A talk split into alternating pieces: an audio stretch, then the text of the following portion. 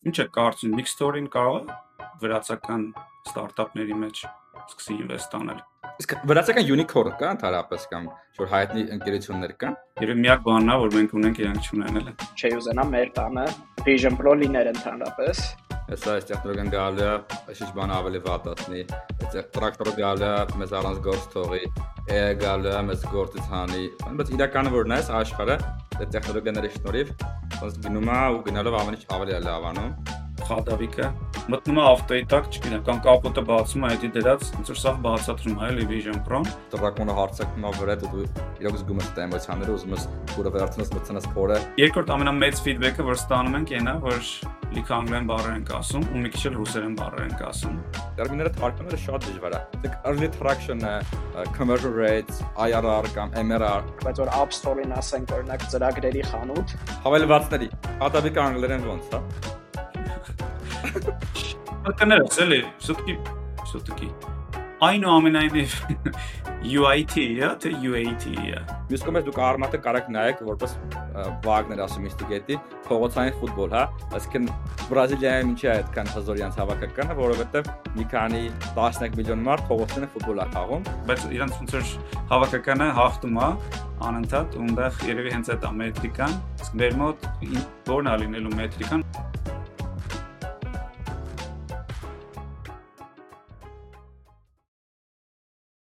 Բարի գալուստ դե էպիզոդ 9-ը։ Էս էլի լիքը թույն բաներ ունենք այսօր խոսալու։ Տրադիցիոն սկսենք նայից, որ ոնց անցավ դահուկները։ Անցած անգամ գնացել էի բան Գուդաուրի առաջին անգամ, ապշե երկրորդ անգամ էի Վրաստանում կյանքում ու պետք է ասեմ, որ շատ տպավորիչ էր Գուդաուրին, տենց համատական կարգով եթե ծաղկաձորում 4 գիծ ունենք ճոպանովու, մայլերում հլը մի հատ է, այնտեղ 12 հատ էր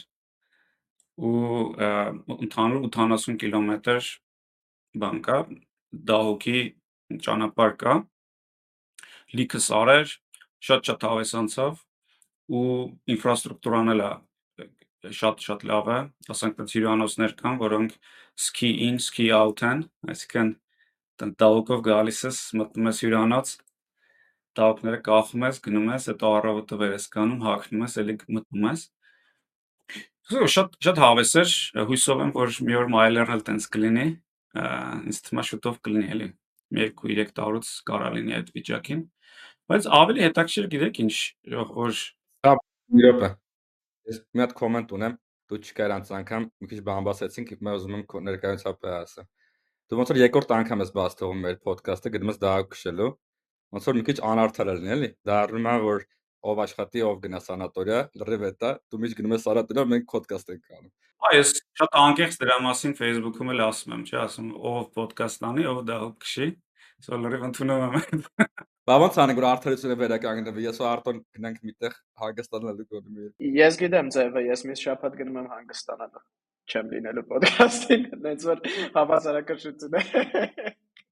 Կգնի տեղը։ Ամենացի ես բաստոր ամերիկացի ասում են if you see something do something։ Հիմա Երիցյանի մոտ է դերել։ Դա իրական ուզբեկ կպնեի ընդերից ոնց ասում եի չէ կպնելու եմ այս ոդկասթին, բայց ասիչլավ ինչ ոդկասթ։ Շատ հոգնած է իրականը։ Չէ, բայց իմիջիայից ասեմ, որ Սամուելոտով ենք ինքնաթիռով են գնացել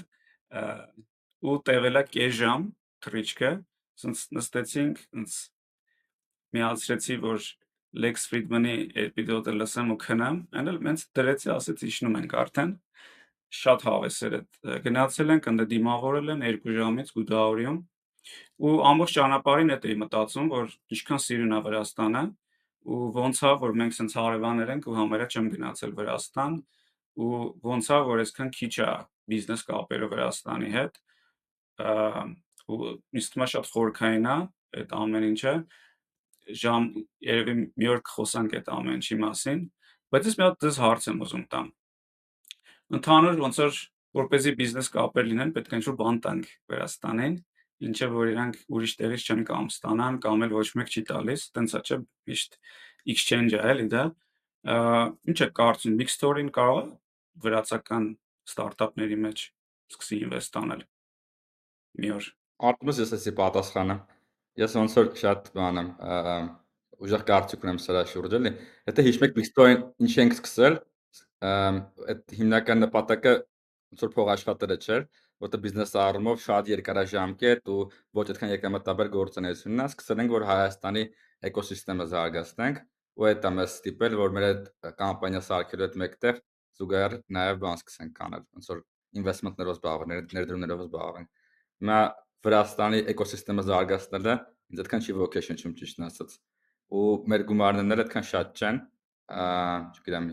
ինձ անձամբ հետաքրքիր չէ լինի դեռ այնտեղ ներդրում անելը, եթե ինչ որ կապ չգտնենք Հայաստանի հետ, այսինքն եթե համապատասխան բան չունեն։ Հենց մի հատ լրիվ համաձայն եմ, բայց հակառակ մի հատ տեսակետ ասեմ, ոչ թե հակառակ, այլ լրացնող էլի։ Չես կարծում, որ եթե Վրաստանի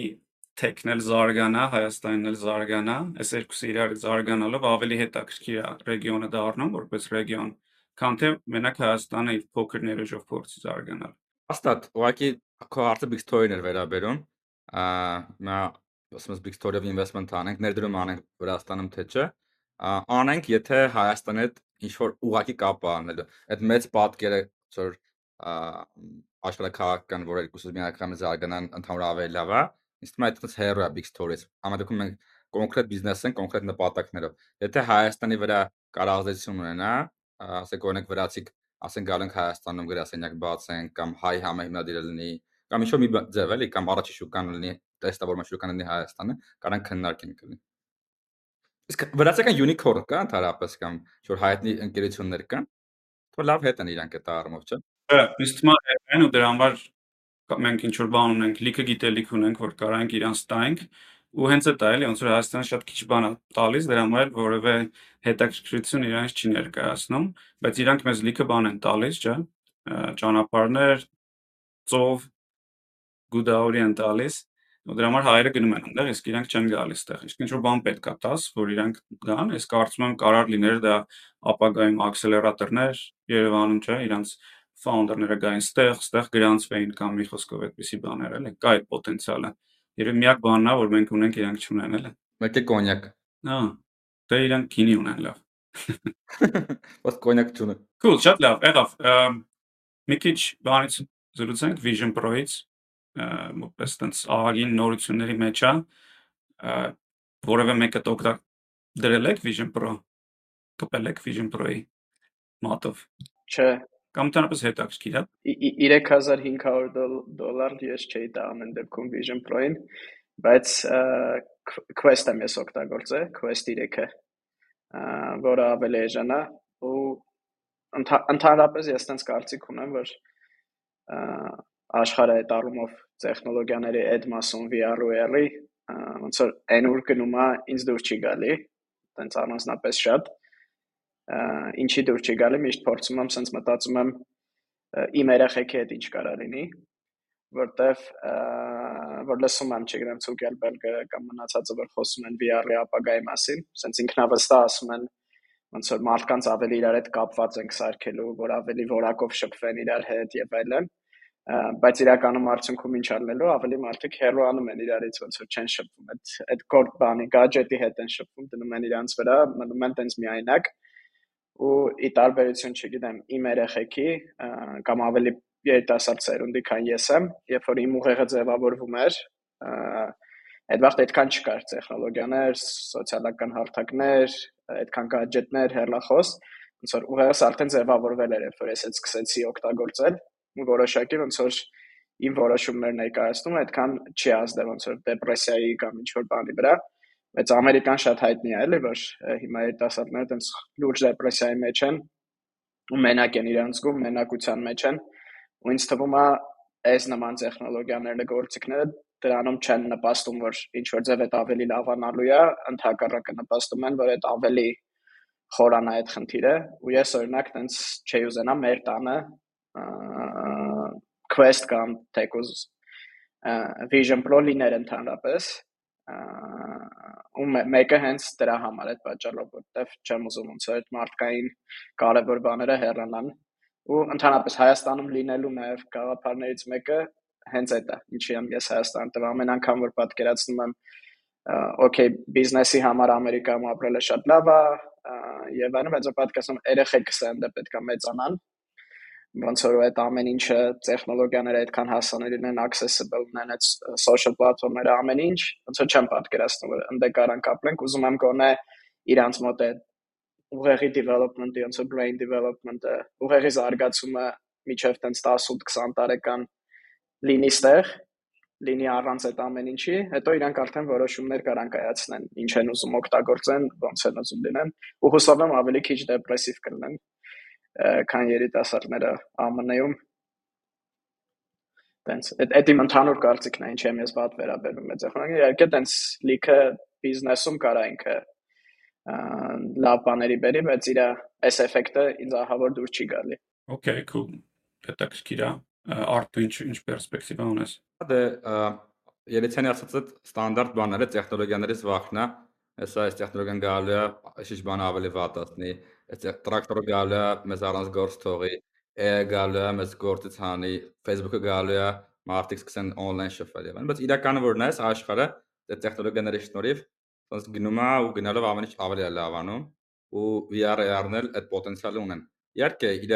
բացական հետևանքները կունենա, ինչ որ մարդկանց ավելի շատ դեպրեսիա կբերի ու վատ կբերի, բայց ընդհանուր մենակ լավ է։ Այս Apple Pro-ի Vision Pro-ի ամենամեծ առավելությունը Meta Quest-ը օգտագործը, Quest 3-ը տանուն է, բայց Vision Pro-ի ամենամեծ առավելությունը այն է, որ շատ ավելի լավ է augment augment-ասված իրականությունը ցույց տալի, այսինքն, չգիտեմ, այդ բասկետբոլի խաղես նայեմ, քո սենյակում ես կարող դնես, ու դա ավելի ոնց որ իրական է ու լավ է, ու շատ բնական է նաև այդ կամերաներով ստացված ինֆորմացիան ցույց տալի քո աչքերի դիմաց, augment-ասված ու լրացուցիչ էկրանները թույլ տա դնել, քան թե եթե ասենք այդ VR-ի մեջ ես դու որ դեռև անիրական է, էլի։ Ու դրա շնորհիվ ինչքան հասկանում եմ, հետո հանում ես այդ, գրեթե չի սկսում պատտվել Meta Quest-ի նման, ու դա ինձ թվում է տենց խաղի կանոնները դեռ փոխել է, ու VR-ը արա տենց մեծ թափով զարգանալու է։ Ու հազարավոր օգտագործման տեղեր կա, էլի, սկսած կրթությունից, ասենք մարդիկ կարան գնան աշխարհի ցանկացած այդ AR-ով VR-ով պատտվում են լիքը բան սովորեն ու շատ ավելի իրական տարբեր բարդ գործիքների հայերեն բառը չգիտեմ տրինաժոր ասկեմ որի վրա որ սովորում են հա կարան ասենք մեծ տրակտորս ուզում քշես կարաս VR headset-ը դնես ու գնաս դա անես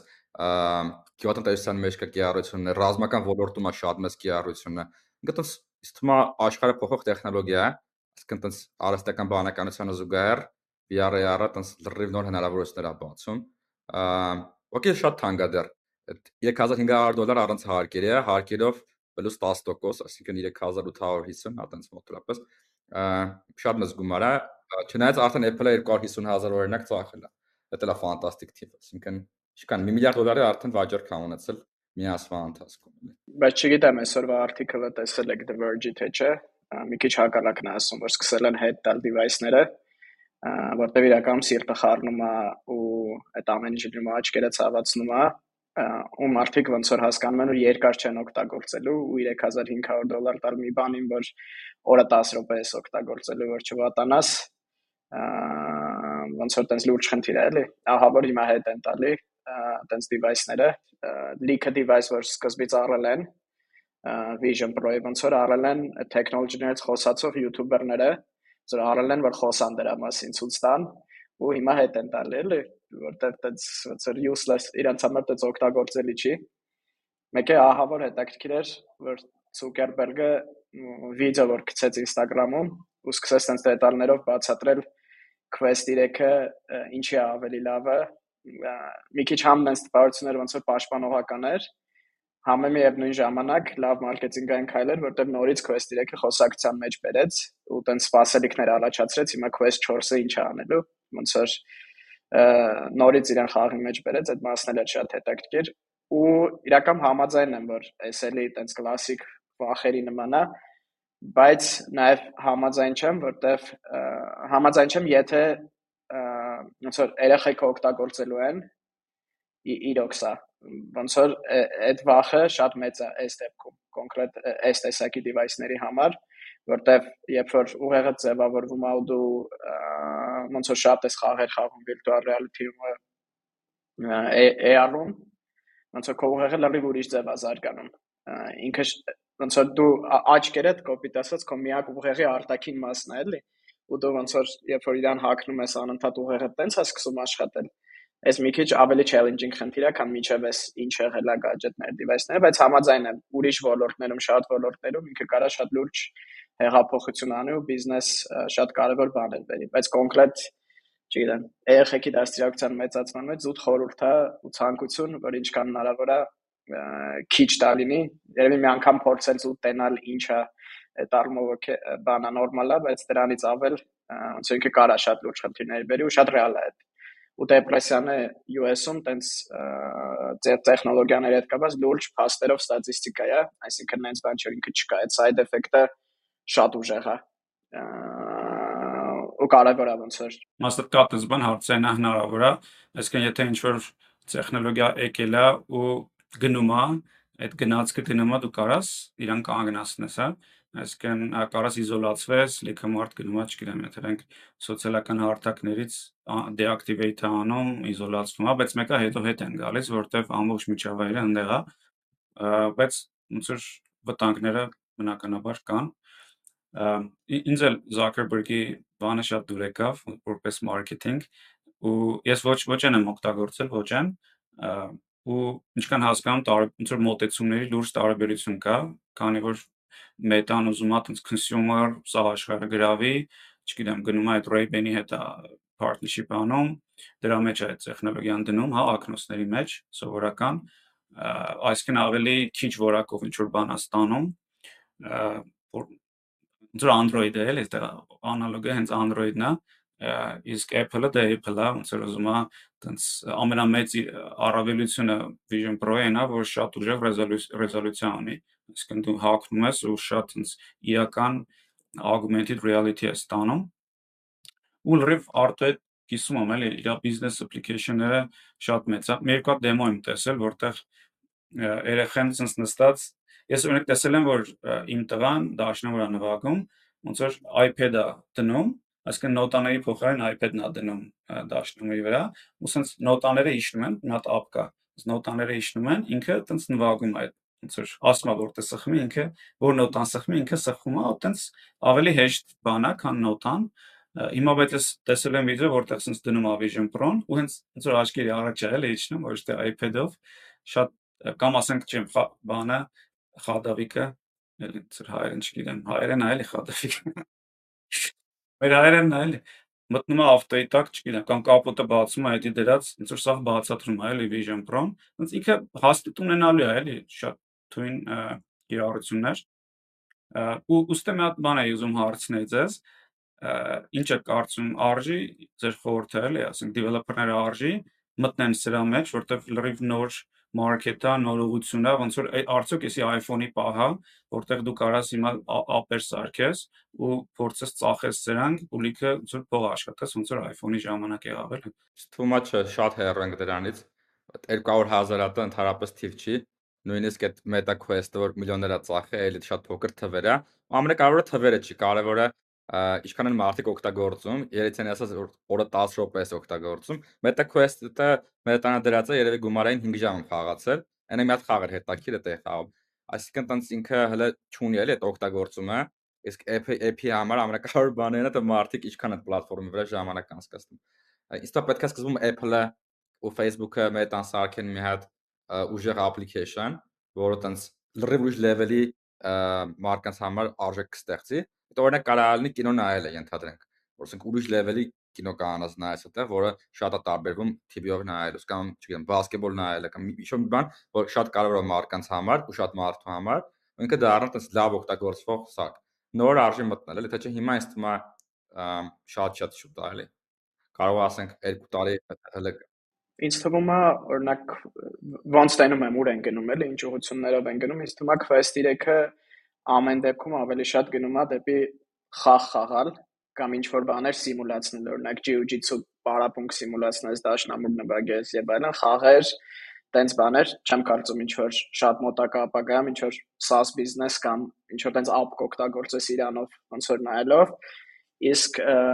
Vision Pro-ն հենց տպավորությունն է, որ ավելի ինքը ոնց որ iPad-ի advanced iPad, նոր iPad-ն է, քան թե ինքը ոնց որ iPhone-ն է,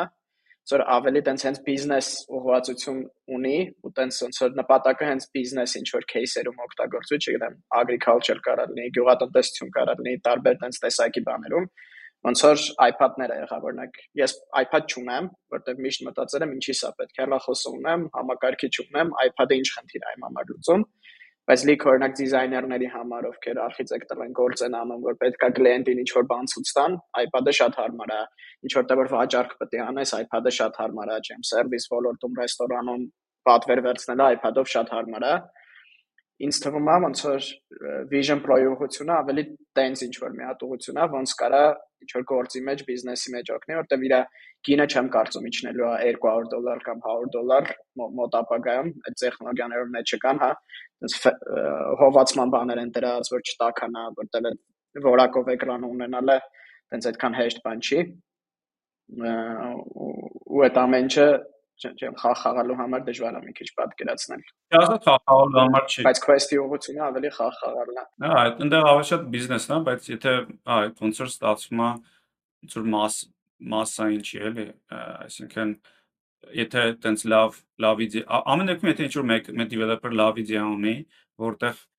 Vision Pro-ով կարա այդ ինչ որ լավ app սարքի ու կարծում եմ որ լավ customer value կա դրա մեջ, արժի չէ ամեն դեպքում վերցնի, բզբզա, սարքի, ինչ է կարծում։ Նպատակը ինձ թվում է պետք է լինի այս այս փուլում ինչ որ մի բան սարքել, վաճառել Meta-ին կամ Vision Pro-ին։ Ոնց որ ոչ թե ուղղվածություն լիքը մարդ կօգտագործի, օրինակ եթե լավ, Jiu-Jitsu-ի խաղ սարքես, որ կարաս լավ սիմուլացնես Jiu-Jitsu-ի պարապմունքը, հաստատ ոնց որ եթե ինքը պոպուլար դառնա մարդիկ օգտագործեն, օրինակ Meta-ն հետաքրքրված կլինի Quest-ը տենց բան ինչ որ by design մեջ ունենալ, բայց չգիտեմ ինչքան մեծ բան կարաս սարքես, որ օգտագործողները զուտ օգտվեն էլի դրանից։ է շատ շուտ է դեռ ճիշտն ասած։ Այս վերջերս մի հատ խաղ է խաղում Meta-ի վրա, Meta Quest-ի վրա, կոչվում է Asgard Wrath 2։ Ագին հավես խաղեր, ու ինձ շատ տարբեր ոնց որ իրավիճակներում ես քեզ զգում էմոցիոնալ, քան ասենք PlayStation-ով խաղալուց կամ PC-ով խաղալուց, այդ առումով իրոք հավես է, ոնց դրակոնը հարցակում է վրեդ ու դու իրոք զգում ես այդ էմոցիաները, ուզում ես թուրը վերցնես, մտցնես փորը, բայց թուրը հերո է, պետք է վազես, շատ շատ ուրիշ է։ Բայց ես թվում է դեռ շատ շուտ է։ Այսինքն եթե շոր մի հատ specific պրոյեկտ լինի ինչ-որ ընկերության համար, արժանալ տես մտնել, դա ես թվում ավելի օպտիմալ ճանապարհ է, ասենք շուտ բիզնես use case։ Ասենք մեկը մի հատ գյուղատնտեսական ֆիրմա ունի, ասում արի դա ձեր պրոյեկտ անենք, այտենց արժի մտնել։ Բայց որ դու քեզնով փորձես դրա այդ պլատֆորմի վրա product սարքես, կամպանիա սարքես, ըստ դեռ շատ շուտ է։ Կամ է պետք է մեծ պլատֆորմ արդեն կայացած, որ դա լավ է ասնես, բայց այն է ասեմ, որ նույնիսկ YouTube-ը ու Netflix-ը, որ աշխարհի ամենամեծ ոնց որ engagement ունեցող պլատֆորմաներն են, իրենք չեն հանե app դեռ Vision Pro-ի վրա։ Դեռ սպասում են, էլի։ Դա լավ ինդիկատոր է։ Երբ որ ամենա mass-ական application-ները հələ չեն գնում, շարունակում է հələ դեռ շուտ է։ Չնայած Disney-ն օրինակ լավ խորացել է ու փորձում է իր իր կոնտենտը առաջինը բերել։ Բայց ինձ թվում է գնալը այդքան իմաստ չունի YouTube-ի, Netflix-ի, որտեղ բրաուզերով կարողանում ես օգտագործել still լավ որակի է, այսինքն շտապելու թե ինչ որ բան իրանք չունեն այդպես նպատակ, որտեղ browser based աշխատում է։ Միլիարդավոր user-ներ ունեն, այդ ոնց որ yet another device-ը էլի իրանց համար, չէ՞, այսինքն մեծ value-ն մեկը արդեն իրանք տալիս են user-ին։ Եթե YouTube-ը ու Netflix-ը արդեն ունեն user base ու մտածում եմ, որ մի հատ նոր պլատֆորմ է ստեղծվել, որտեղ պետք է user-ները գնան, իրանք դիգնան այդ պլատֆորման գրավեն, էլի։ Ու այդ browser-ի experience-ը շատ սահմանափակ է, ուղղակի browser-ը Եթե դու content-ները սկսես արդեն VR-ի համար սարքել ու promote անես, որ VR content գա, ինքը տենց շատ ավելի արագ կզարգանա։ Իսկ իրականում կան հատուկ սայթեր, որ մենակ VR content են։ Օրինակ չգիտեմ, erotic site-եր կան, մենակ VR content են այդտեղ տալի ու լրիվ ուրիշ experience site-է տալի մարկանց, էլի։ Իսկ այդ սոր application developer-ը, որ նոր այն շուտ բան փորձում սարքել, այս պահին իսկապես շատ-շատ շուտ է, էլի շատ ռիսկային խաղ է, որտեղ նայեք, 10 տարի կա VR-ը, Oculus-ը երբ է դուրս եկել, 14 թվին, Հələ 24 թիվն է, դաս Meta Quest 3-ն ու Oculus-ը դաս համարը նույն բանն էլի, ինձ թվում է դեռ դեռ շատ կարելի։ Դե ամեն ամեն ինչ միշտ էլ ռիսկ կա ու կարող է հենց դա ասենք միշտ պետք է հասկանալ ոնց որ երբ է բախտը բերում, երբ որ ճիշտ ճիշտ բային ես մտնում նույն ձևով ոնց որ iPhone-ի ժամանակ լիքը մարդ լիքը mobile developer-ներ առաջացան, հարստացան, չէ՞։ Չեմ ասում մեծ ընկերություններ սարքեցին, բայց մի քանի միլիոն դոլար աշխատեցին ու չգիտեմ, որ ասում էին տենց բան, ֆանարիկի մոտ app էին սարքում, որ սխում ես ֆանարիկը միացնում է ու ակամ անջատում է։ Դե հետո parza Apple-ը այդ արեց, այդ feature-ը դրեց իր մոտ, բայց ագին փող աշխատեց այդ մարդը էլի, ծախելով 3 դոլար, հա, ասենք այդ app-ը։ Ասենք կա հնարավորություն կա, բայց միևնույն ժամանակ պետք է հասկանանք, որ շատ քիչ է ծախվել դեռ ու կա շատ, ասում, բավականին ռիսկային է։ Կարամ մի հատ բան ասեմ, դա թվերով էլի նայենք այս հարցին։ Նայեք, հիմա 200.000 հատ Vision Pro-ը վաճառվել։ Հիմա նայում Apple-ի ստատիստիկան, iPhone-ի ներողություն։ Առաջի տարին 2007-ին որ դուրս եկել 1.3 միլիոն, հաջորդ տարի 11 միլիոն device-ը ծախվել։ Մի տարի հետո 20 միլիոն, մի տարի հետո 40 միլիոն, այսինքն լրիվ էքսպոնենցիալ աճի մասին ենք ստեղ խոսում։ Բայց ինչ ես կարծում երբ են այդ developer-ները կարացել որ թվական, ես չգիտեմ էլի ուղղակի, երբ են կարացել 2009-ին App Store-ը Apple-ը ներկայացրեց, 2007-ին iPhone-ը դուրս եկավ, կարծեմ 3G-ի հետ էր, որ 2009-ին Apple-ը ներկայացրեց, էլի։ Այսինքն այդ որ 1-1-ին 10 աճեց այդ մի տարվա ընթացքում, միլիոնից 10 միլիոն, էլի։ Ոնց որ Apple-ը հասկացավ, որ պետք է սարքի այդ application-ների խանութը ու արդեն ոնց որ բոլորի համար բարձր է, որովհետեւ հաջորդ մեծ պլատֆորմն է, էլի։ Բայց այդ աճը տենց պետք է երևա, էլի։ Ու նաև օգտագործման թվերը, դա է կարևոր նայել։ Իսկն հիմա կարող է Meta Quest-ի օգտագործումը, չգիտեմ, լինի ամիսը 10 րոպե էլի կարգի։ Դրա համար ասում շատ շուտ է, էլի։ Թվերը մի քիչ պետք է նայել նաև։ Այդ ընդհանուր ձեր տեսակետը համաձայն եմ, նոր պլատֆորմա է, բայց թվերը հələ որ դրա մասին չեն խոսում։ Համ engagement-ի, համ քանակի։ Good, շատ լավ point ես ասում։ Okay, թույն։ Հիմա բանի մտ թեմայի անցնենք մեր հայերեն լեզվի, հայերեն անգլերեն լեզվի թեման, ոնց որ նայում ենք ամենաշատ նախ ասեմ որ ես ինքս ավոր լիքը դրական feedback եմ ստանում մեր ոդկասթի մասին, իսկ մա դուք եք ստանում բոլորս ոնց որ մեր ընկերներից կամ ոչ ծանոթ մարդկանցից ստանում ենք ու հաստատ ոնց որ շատ ողջերված ենք մեր early traction-ով, այսպես ասած։ Բայց ամ, երկրորդ ամենամեծ feedback-ը, որ ստանում ենք, այնա, որ մարդիկ ներվում են, որ հայերեն ենք խոսում մի մասը, մի մասը անգլերեն ենք, լիքը անգլերեն բառեր ենք ասում ու մի քիչ էլ ռուսերեն բառեր ենք ասում։ Ու ոնց որ որոշեցինք դրա մասին մի քիչ խոսենք խիա դա տեղ, ինչու է դա տեղ ունենում։ Այս ոդկասթի ժամանակ էլ եթե արդեն նկատել եք, փորձում ենք ինչ-որ բաներ հայերեն թարգմանել, բայց դե խանավիկը չենք կարող թարգմանենք ինչ մտքեր ունեք, ով ինչ ինչ ինչ ինչ կուզեք ինչու ենք ինչու է դա տեղի ունենում ինչ եք կարծում ինչու են մարդիկ տենց ագին բացական ընդունում այդ անգլիա հայկական բարբարը խիա դա տեղի ունենում ու արդյոք ինչ որ բան փոխելու ենք թե չէ կարճ ասեմ նայեք սովետի ժամանակ էլ մարդիկ ռուսերենն էին օգտագործում ինձ ու տենց ինտելիգենցիան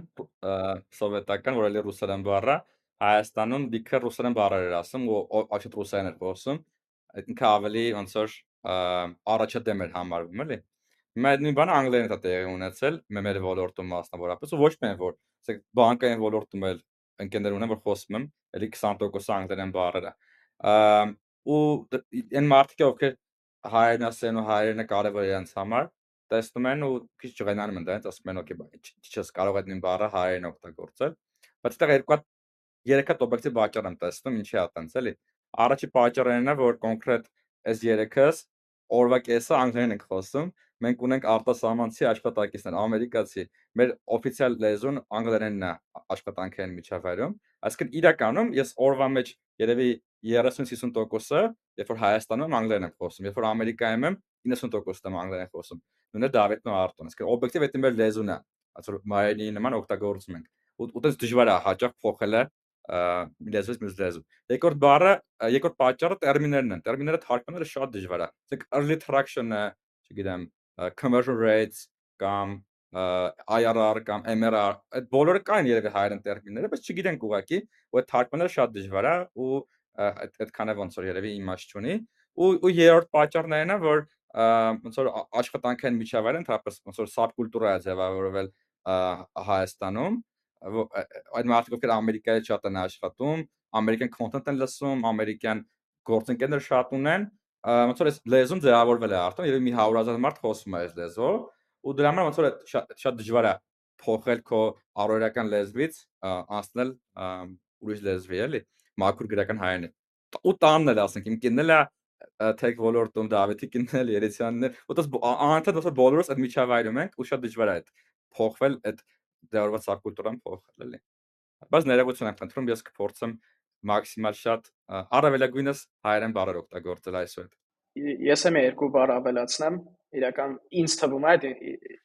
այդ ինձ թվում է չգիտեմ կարող է տենց չի թվերով որ նայենք բայց ասում եմ ես ամենաշատն եմ մեր մեջից անգլերեն ու ռուսերեն բառեր օգտագործում կամ սաղից կարող է տենց է թվում որտեվ տենց են կանում բայց ես էլ ինքս աշխատում եմ ամեն ինչ ինչքան հնարավոր է հայերեն ասել ուղղակի ոնց որ ուղեղդ ինչ որ վիճակ սովորել սովորելա որ որոշ բիզնեսի տեխնիկական բառեր միշտ անգլերեն ես օգտագործում երբ որ արագ ուզում ես ասես ուղղակի չի հասկանում որ պետք է հիմա թարգմանես փորձես տենց ասես այդ առումով դժվար է երկրորդն է իմ մոտ sense մի հատ կարծիք է կա նաև որ մի քիչ հակառակը որոշ կարծիքներին որ մենք այն ինչ որ խոսում ենք ու այդ տեխնիկական տերմինները որ օգտագործում ենք ու շատ բաներ որ անգլերեն ասում ենք այդ հենց մեր բիզնեսի մասին է, այն բաները, ինչի մասին ուզում ենք մարդիկ սովորեն, ինչ մեզ լսելուց։ Ու ես կարծում եմ այն մարդիկ, ովքեր իրոք հետաքրքրասեր են ու ուզում են այս բիզնես մտնեն կամ ստարտափ աշխարհ մտնեն, իրանց համար շատ կարևոր է, որ այդ տերմինները գնան, ման գան, գտնեն, հասկանան, կարդան դրանց մասին ու հակառակ էֆեկտը կարող է լինի, որ եթե մենք հայերեն փորձենք ամեն ինչ թարգմանենք, մարդիկ ոնց որ այդ տերմինները չգնան չկարդան ու չկրթվեն դրա շուրջ, որտեղ մենք ինչից է խոսում ենք, մանրամասն շատ չենք կարող բացատրել։ Օրինակի համար, որ ասում ենք, չգիտեմ, շատ վատ օրինակ, բայց որ App Store-ին ասենք, օրինակ ծրագրերի խանութ, հավելվածների հետո մարդը հավելվածների հա խանութ, օրինակի համար փորձենք թարգմանենք, շատ արհեստական է, որտեղ հետո այն մարդը մեզ որ լսում է ուզենա ստարտափ անի App Store-ի համար, ոնց որ իրան դժվար կլինի գտնել App Store-ը ինչա, ոնց են ընդ ծրագիր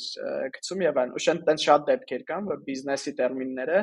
ցանկալի է այն ովքեր հետաքրքրված են այս կոնտենտով ուզում են սովորեն, հենց այդ լեզվով լսեն, գնան փորձեն կարդան, փորձեն գտնեն, եթե հետ հետաքրքրասիրություն ունեն ու իրոք ինչ որ բան ուզում են ոնց որ ստարտափի աշխարհում ստեղծեն, ինձ թվում է այդ կարևոր է, որ այդ տերմինները ու որոշ բաներ ոնց որ մենք նույնիսկ շարունակենք անգլերեն ասել, բայց իհարկե այն բաները, որ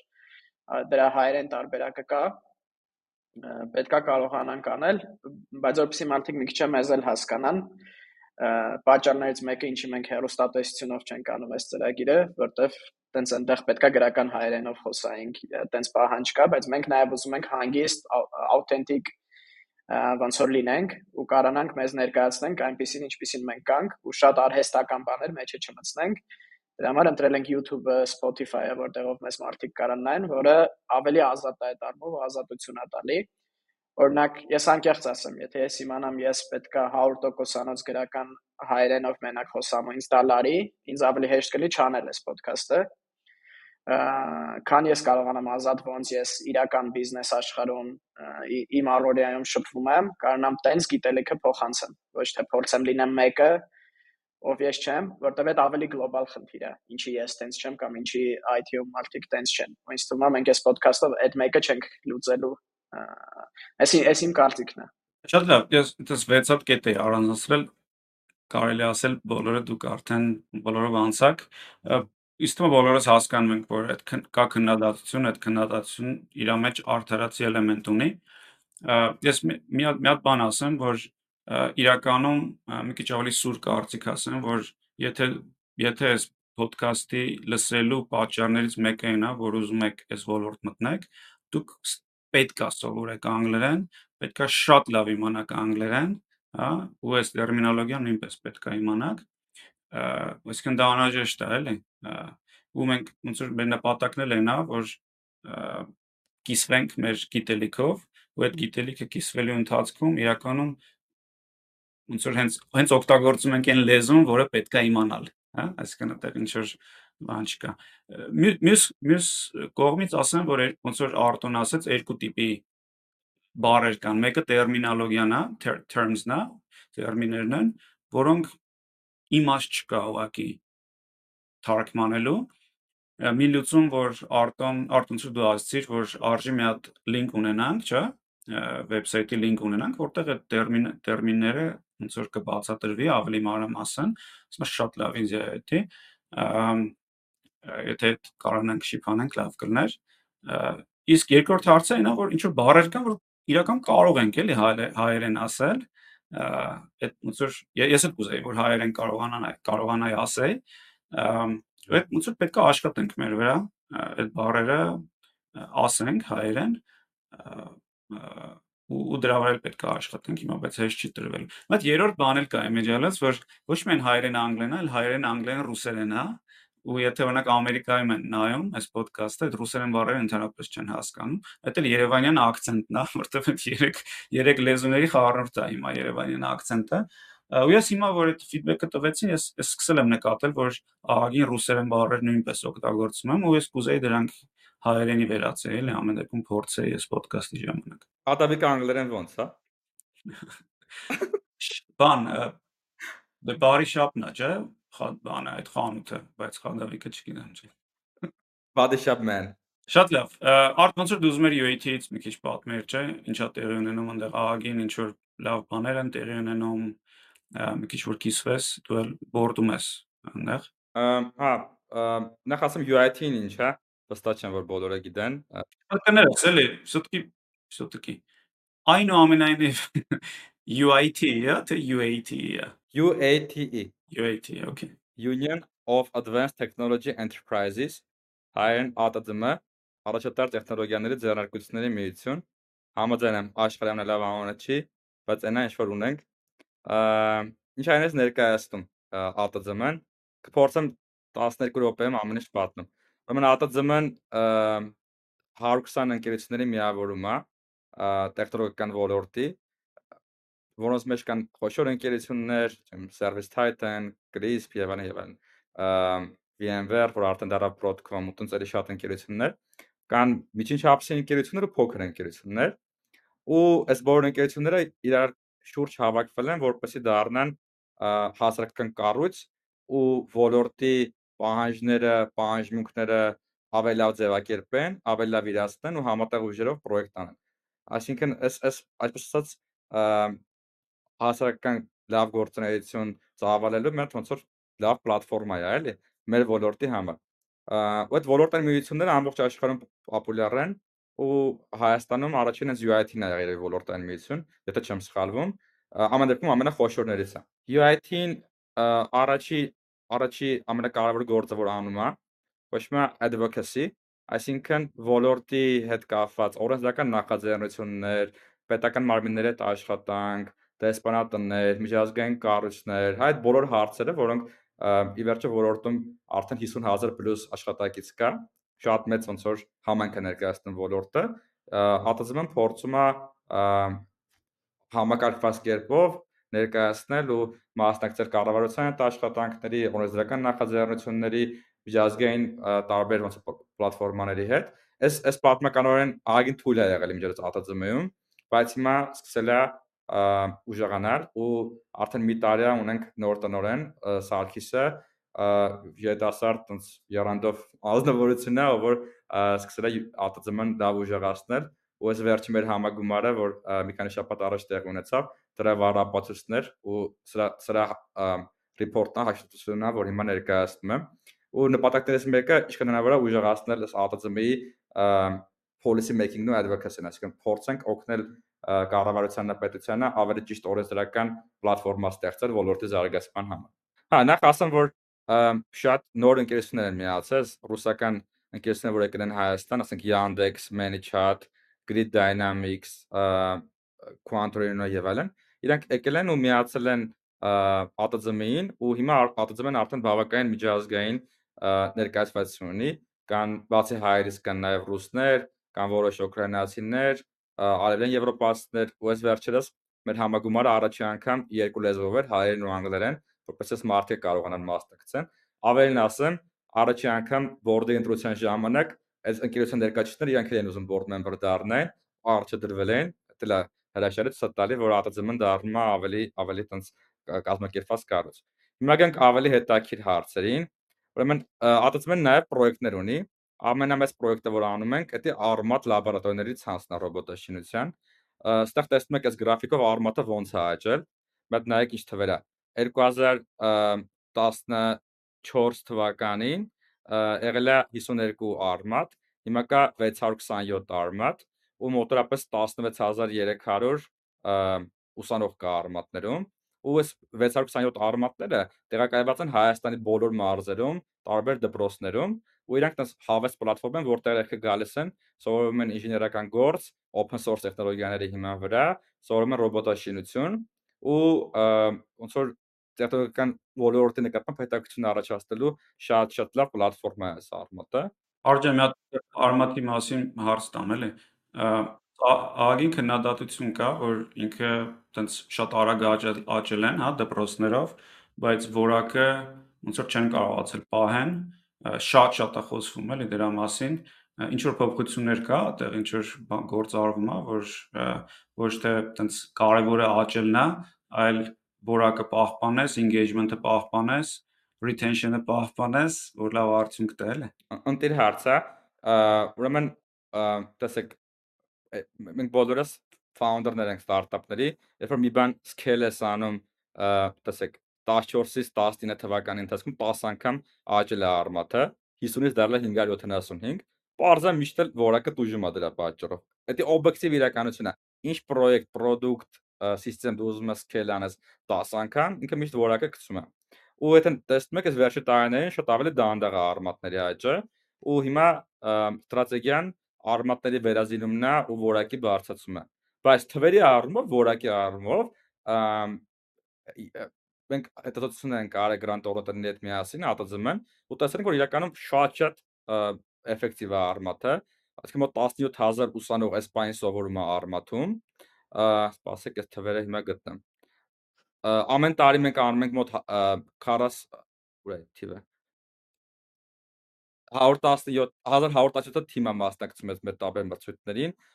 անընդհատ ոնց որ ֆիդբեք ենք ստանում երեխեքը ինչքան լավ են կարողանում անել այս նկարները որ արմացիները որ տեսեք այս ռոբոտներն են սարքի GTK ժամանակ մթասկական տաղավար ունենք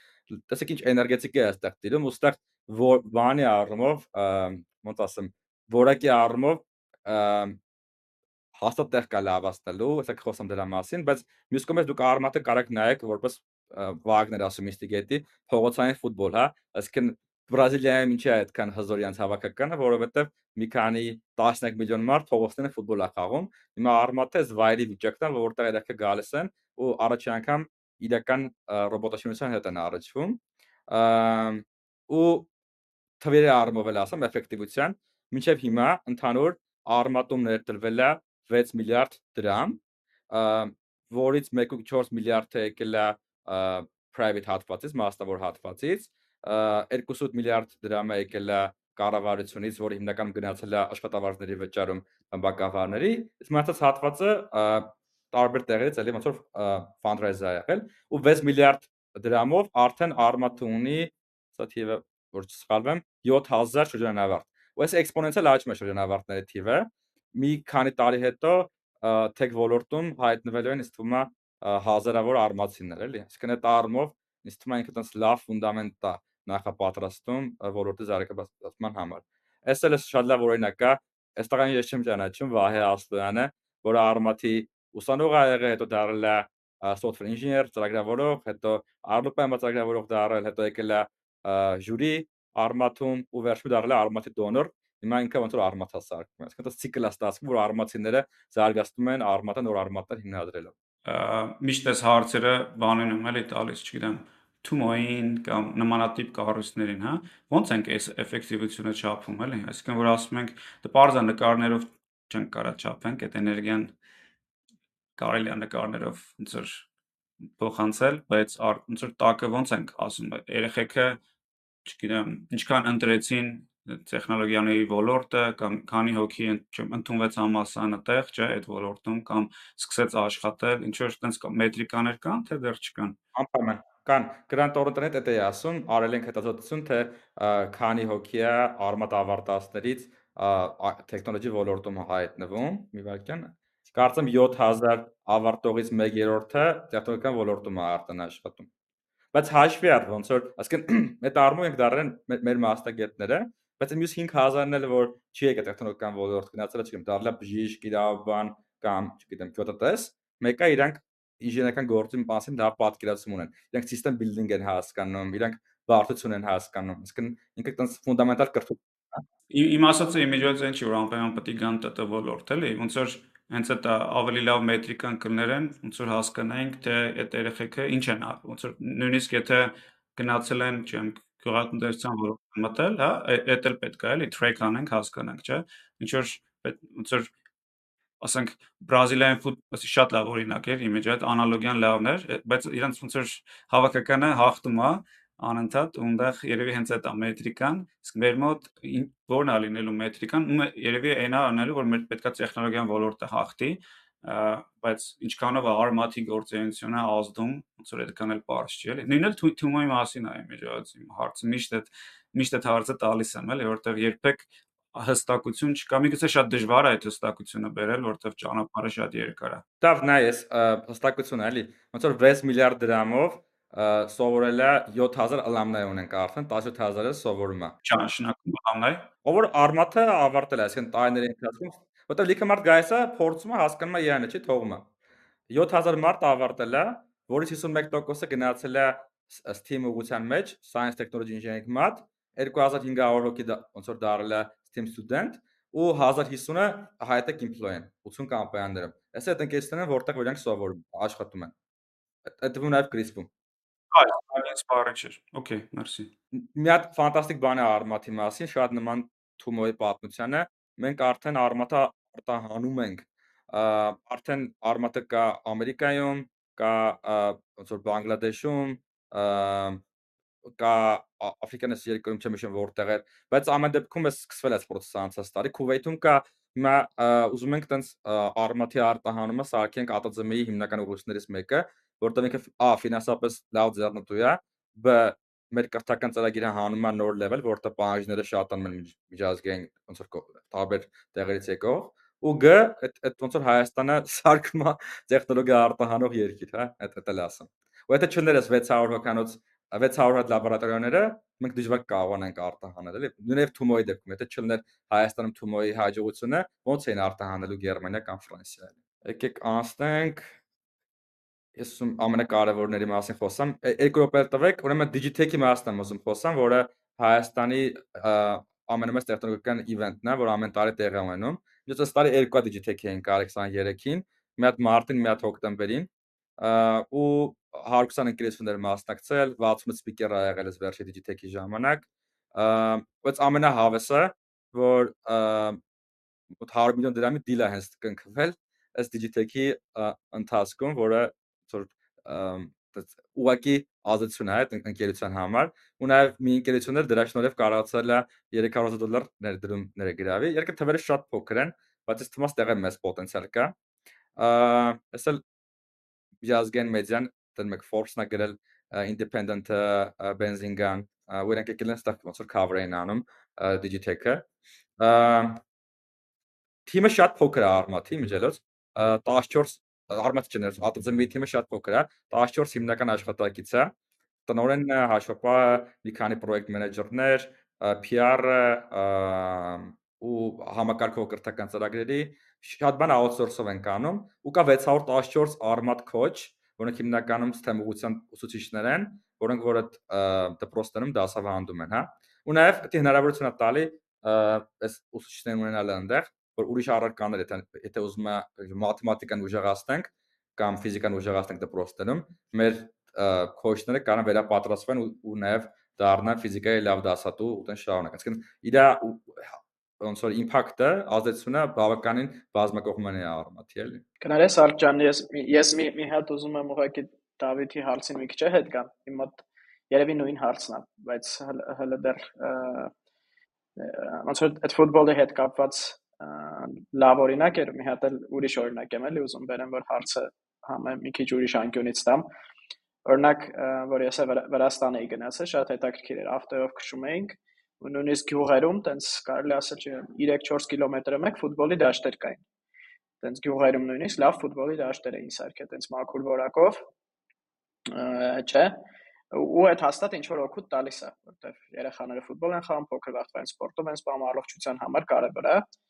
Բայց նաև նպատակն էլ է կարևոր։ Ես չեմ կարծում, որ Վրաստանում նպատակ են դրել, դրել Բրազիլիա պետք է դառնան ու աշխարհի առաջնություններ կնեն այդ ֆուտբոլի դաշտերով։ Երևի դրել են, որ ավելի, չգիտեմ, երեխեքը առողջ լինեն, վազվզային խաղան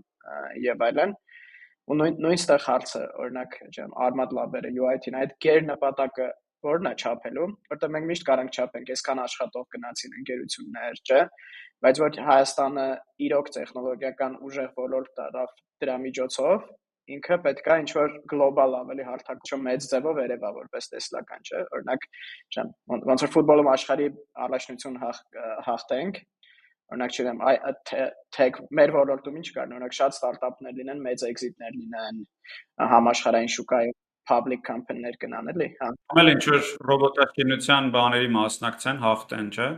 օլիմպիադանի բաների, ինչ որ այդ տիպի ինչ որ Բայց դա դե փոքր բան է, էլի, ոնց որ ինչ որ մրցույթ հաղթել ռոբոտաշինության, այս 3 ամիսը քննարկում ենք, որը պետք է լինի ATZM-ի հիմնական մետրիկան։ Մի քանի այդեաներ կար, ուզում եմ տես բաց ոնց որ ասեմ։ Մեկն է, որ օրինակ մրցակցության ինդեքսում Հայաստանը ավելի դառնա ավելի մրցունակ երկիր, հա։ Օրինակ մեկը այդ կարող լինել, որը տես օբյեկտիվ ինդեքս է։ Բայց դրա վրա մեր ազդեցությունը շատ փոքր է։ Հետո կարող լինել որ մի աշխատակցի IT ոլորտի մի աշխատակցի տված output-ը մի քանի անգամ մեծանար։ Հիմա ասենք թիվը կարող սխալվում, բայց կարծեմ 30000 դոլարի կարգի էր տարեկան, համացան համար ԱՄՆ-ում, որը top 3-ի մեջ է, կարող առաջինն է 350 դոլարի կարգի է։ Իսկ 12 անգամ աճելու տեղ ունենք պրոդուկտիվության, էլի։ Ինձ թվում է դա ավելի տես մոտ մետրիկա է, որ մեր պրոդուկտիվությունը աճացնենք։ Իսկ արմատների առումով ես իրեն նայում եմ որպես ֆունդամենտալ կրթություն, այսինքն ոնց որ մի հատ ուղղությունն է, Թումոյն եմ տես նայեմ, ոնց է դպրոցը, որ տալիս է տես ֆունդամենտալ գիտելիք, արմատը, Թումոն, Coaf-ը մյուս տիպի բաներ, դա այսն ֆունդամենտալ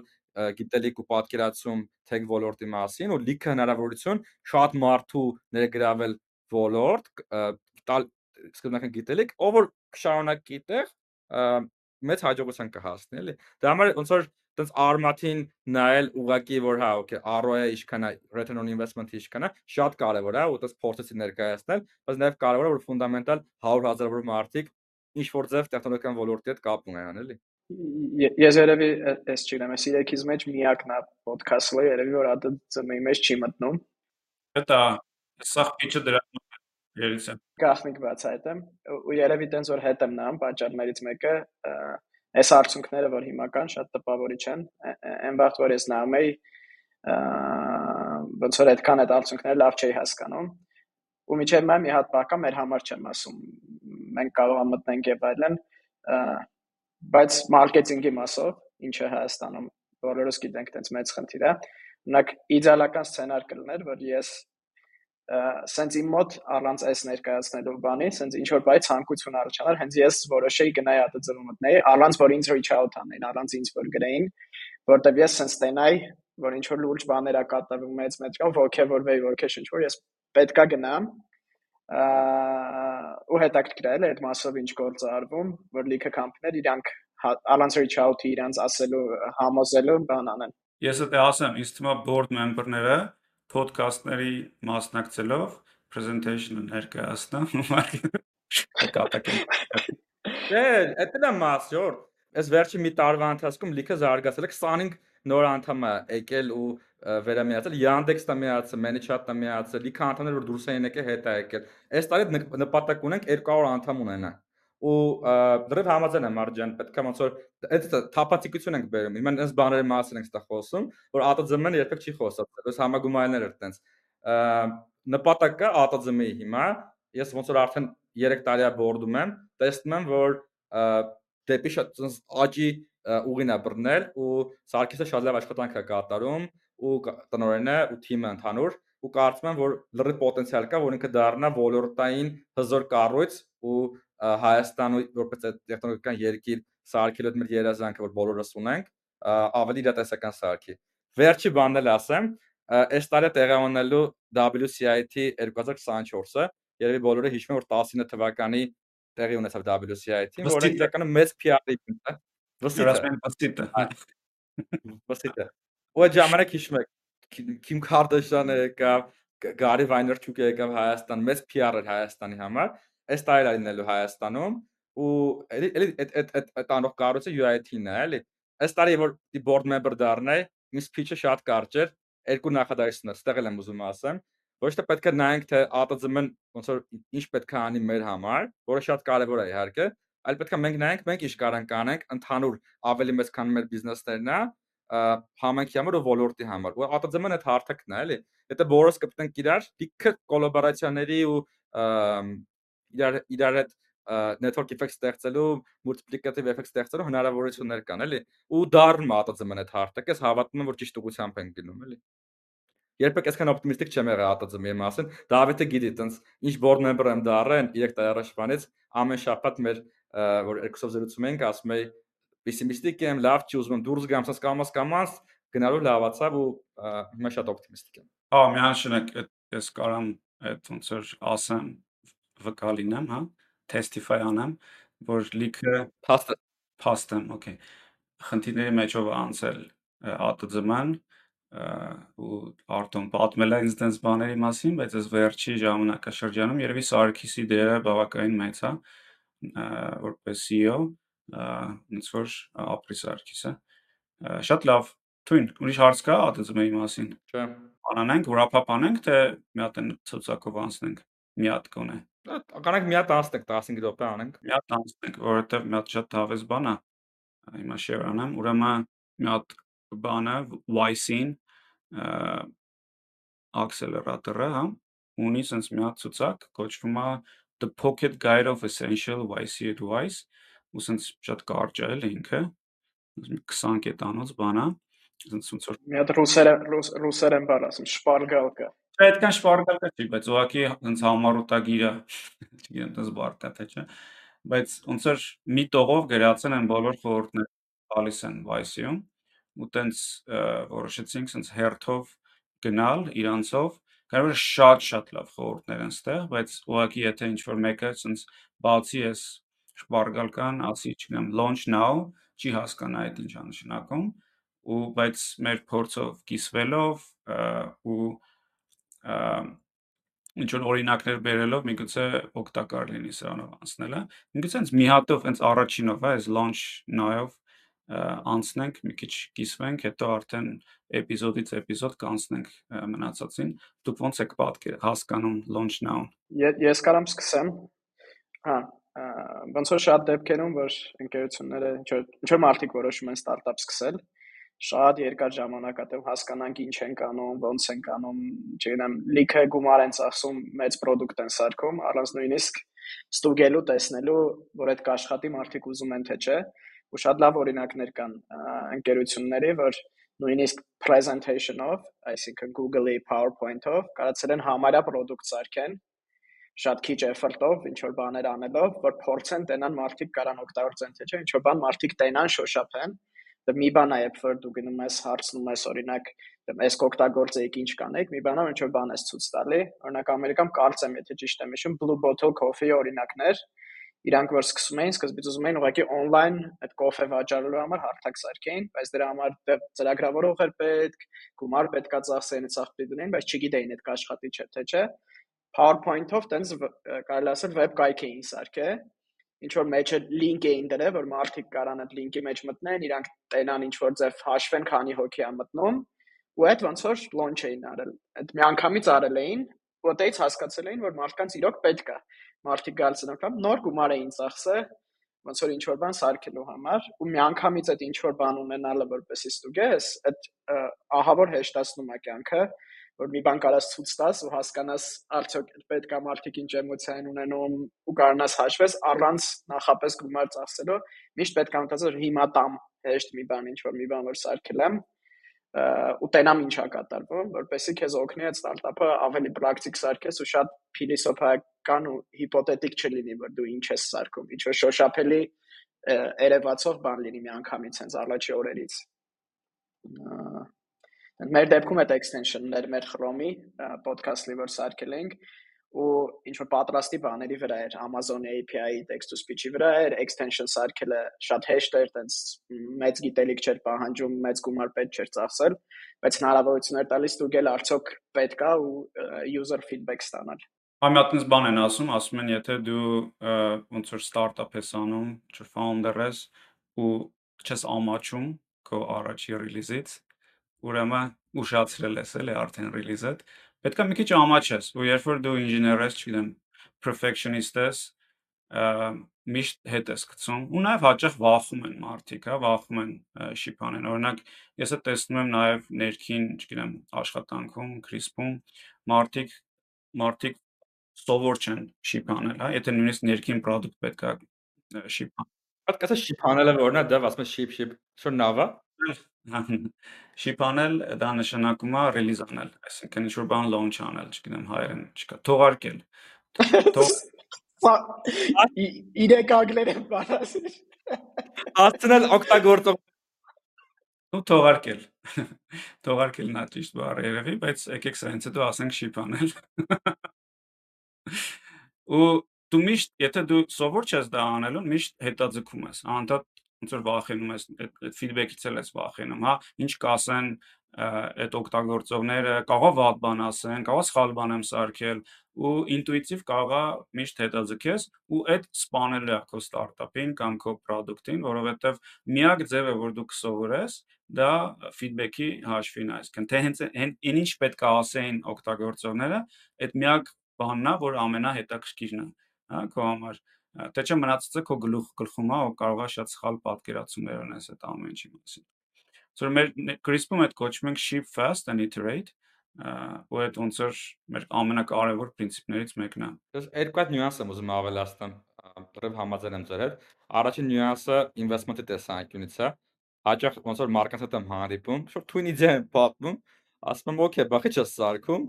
ինքը ինքն ինժեներ է, էլի ծրագրավորող է, կամ էլ թեկուս ինժեներ չի, բայց կարա ինչ-որ բան սարքի, տեստավորի,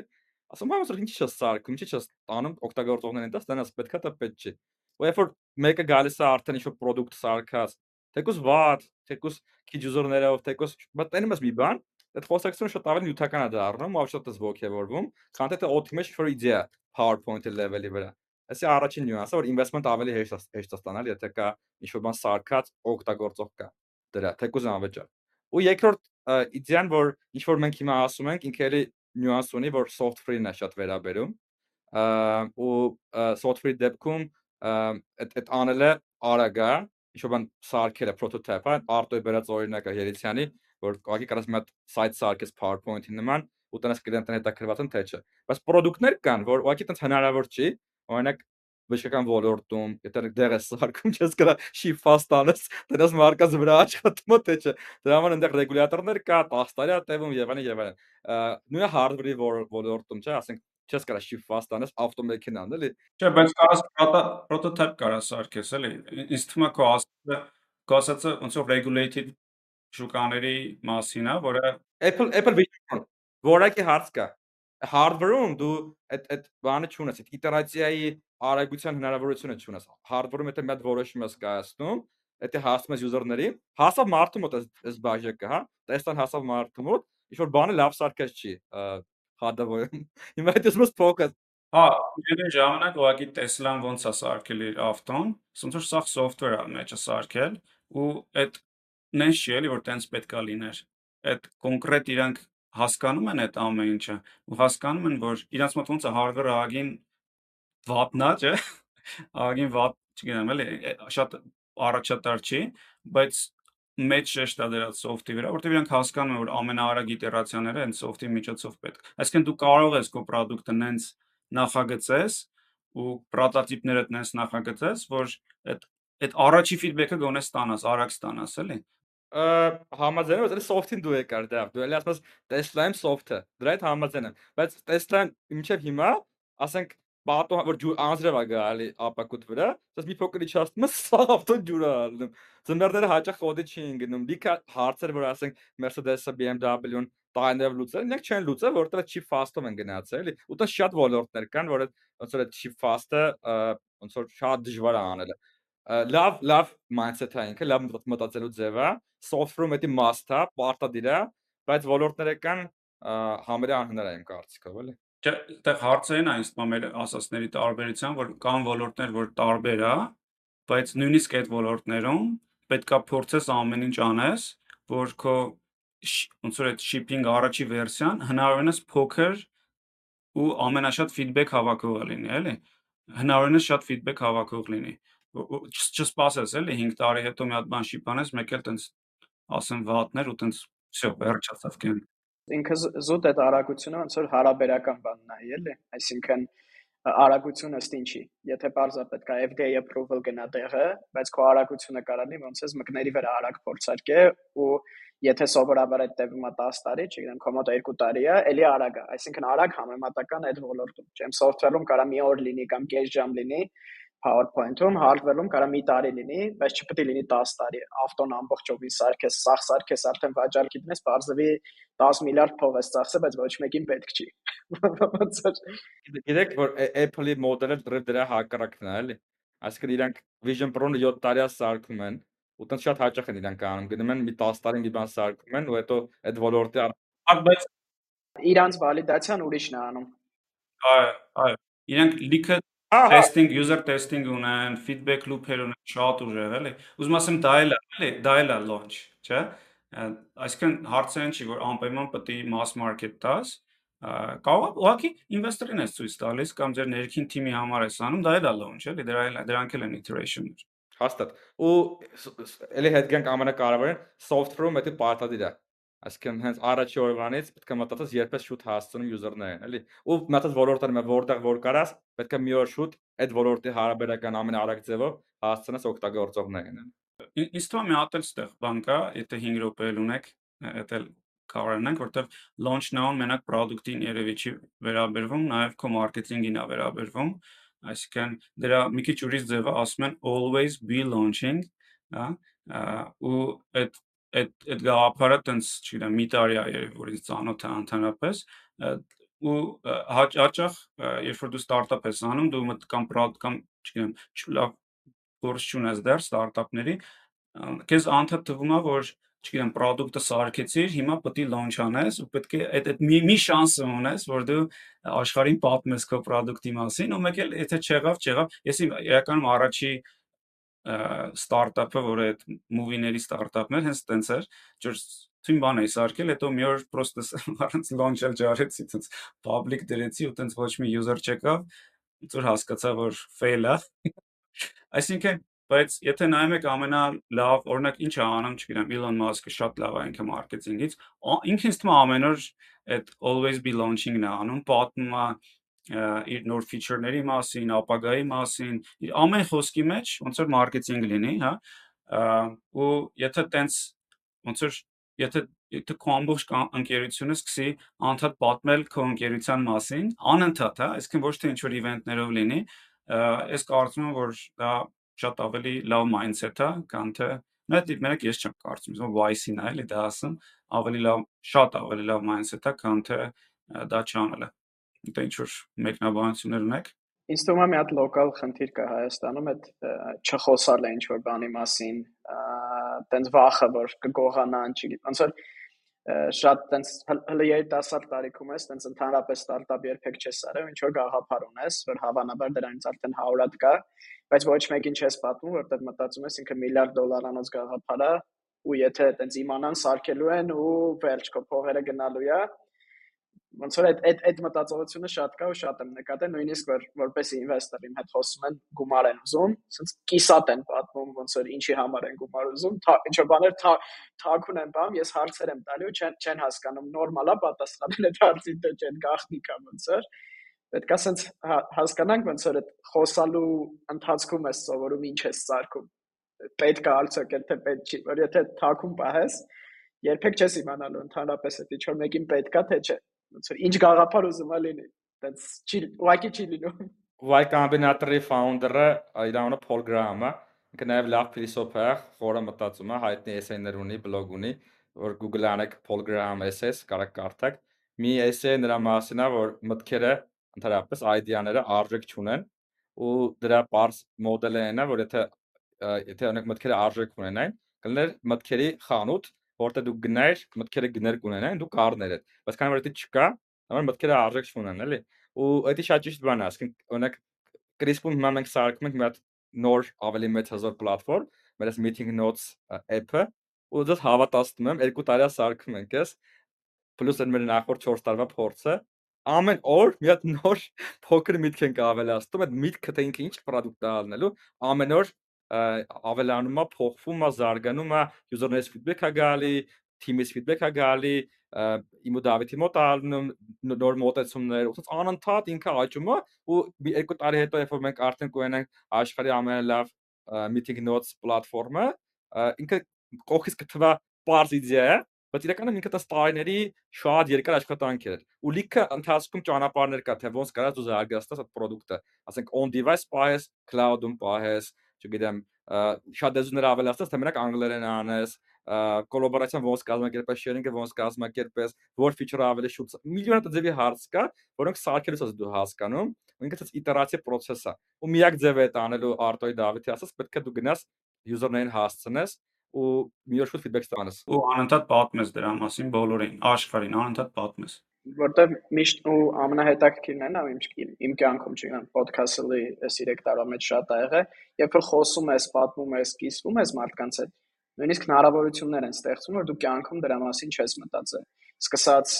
համահիմնադիր բերել, որին դուր եկավ շատ քո ասածով ողջևորվեց ու ինքն էլ ուզում է տանի ու դրա փորձ ունի։ Սկսած կարաս գումար ներգրավես նույնիսկ նենց տեղից որ չես մտածել, բայց ինչ որ մեկի հետ խոսացել ես, ծանոթացել ես ու այդ ստացվել է։ Այդ գնալ անընդհատ խոսալ ողջևորված պատմել է համ բացի նրանից որ քեզ նայության տալի հասկանալ ինչ են կարծում մարդիկ ոնց է այդ միտքդ գաղափարը փոխվում, ամեն լիքը հնարավորություններ է ստեղծում, որոնց մասին դու չես մտածել որ կարա տենց բան լինի, բայց խոսալով ոնց որ այդ հնարավորությունները սկսում են գալ քո առաջ։ Շատ լավ, թվում է այս ամենաերկար էպիզոդը ստացվեց, բայց շատ հավեսներ, մերսի։ Կհանդիպենք մյուսը 10-րդն է լինելու։ Վաու։ Okay։ Ես օբելետական 10-րդին լավ չեղավ։ Կլոր թվին չեմ լինել։ Ջորջ, ինձ պետք է շուտ նվեր առնեք երկուսով։ Ոնց որ ես ոչ մի հատ բաց չեմ թողել։ Նույնիսկ Լաս Վեգասում գիշերը ժամը 11-ին հոգնած jet lag-ված Կոնովերը այնա որ դու վայելում ես չես բաց թողնում։ Չէ, all-in podcast-ում բանը շամաթը տենց բոլորին եղել էր, հետո ինչ որ ամուսնանում էր Իտալիայից, մեկ էլ տենց միացավ podcast-ի կեսից, ասում է տենց միացա մի րոպեով միացել եմ ձեզ բարև ասեմ, որ այդ բանս չկտրվի, streak-ս չկտրվի։ Aşkız դրա վրա ես։ Okay, լավ, Լուրյան, հաջողություն։ Пока։ Пока-пока։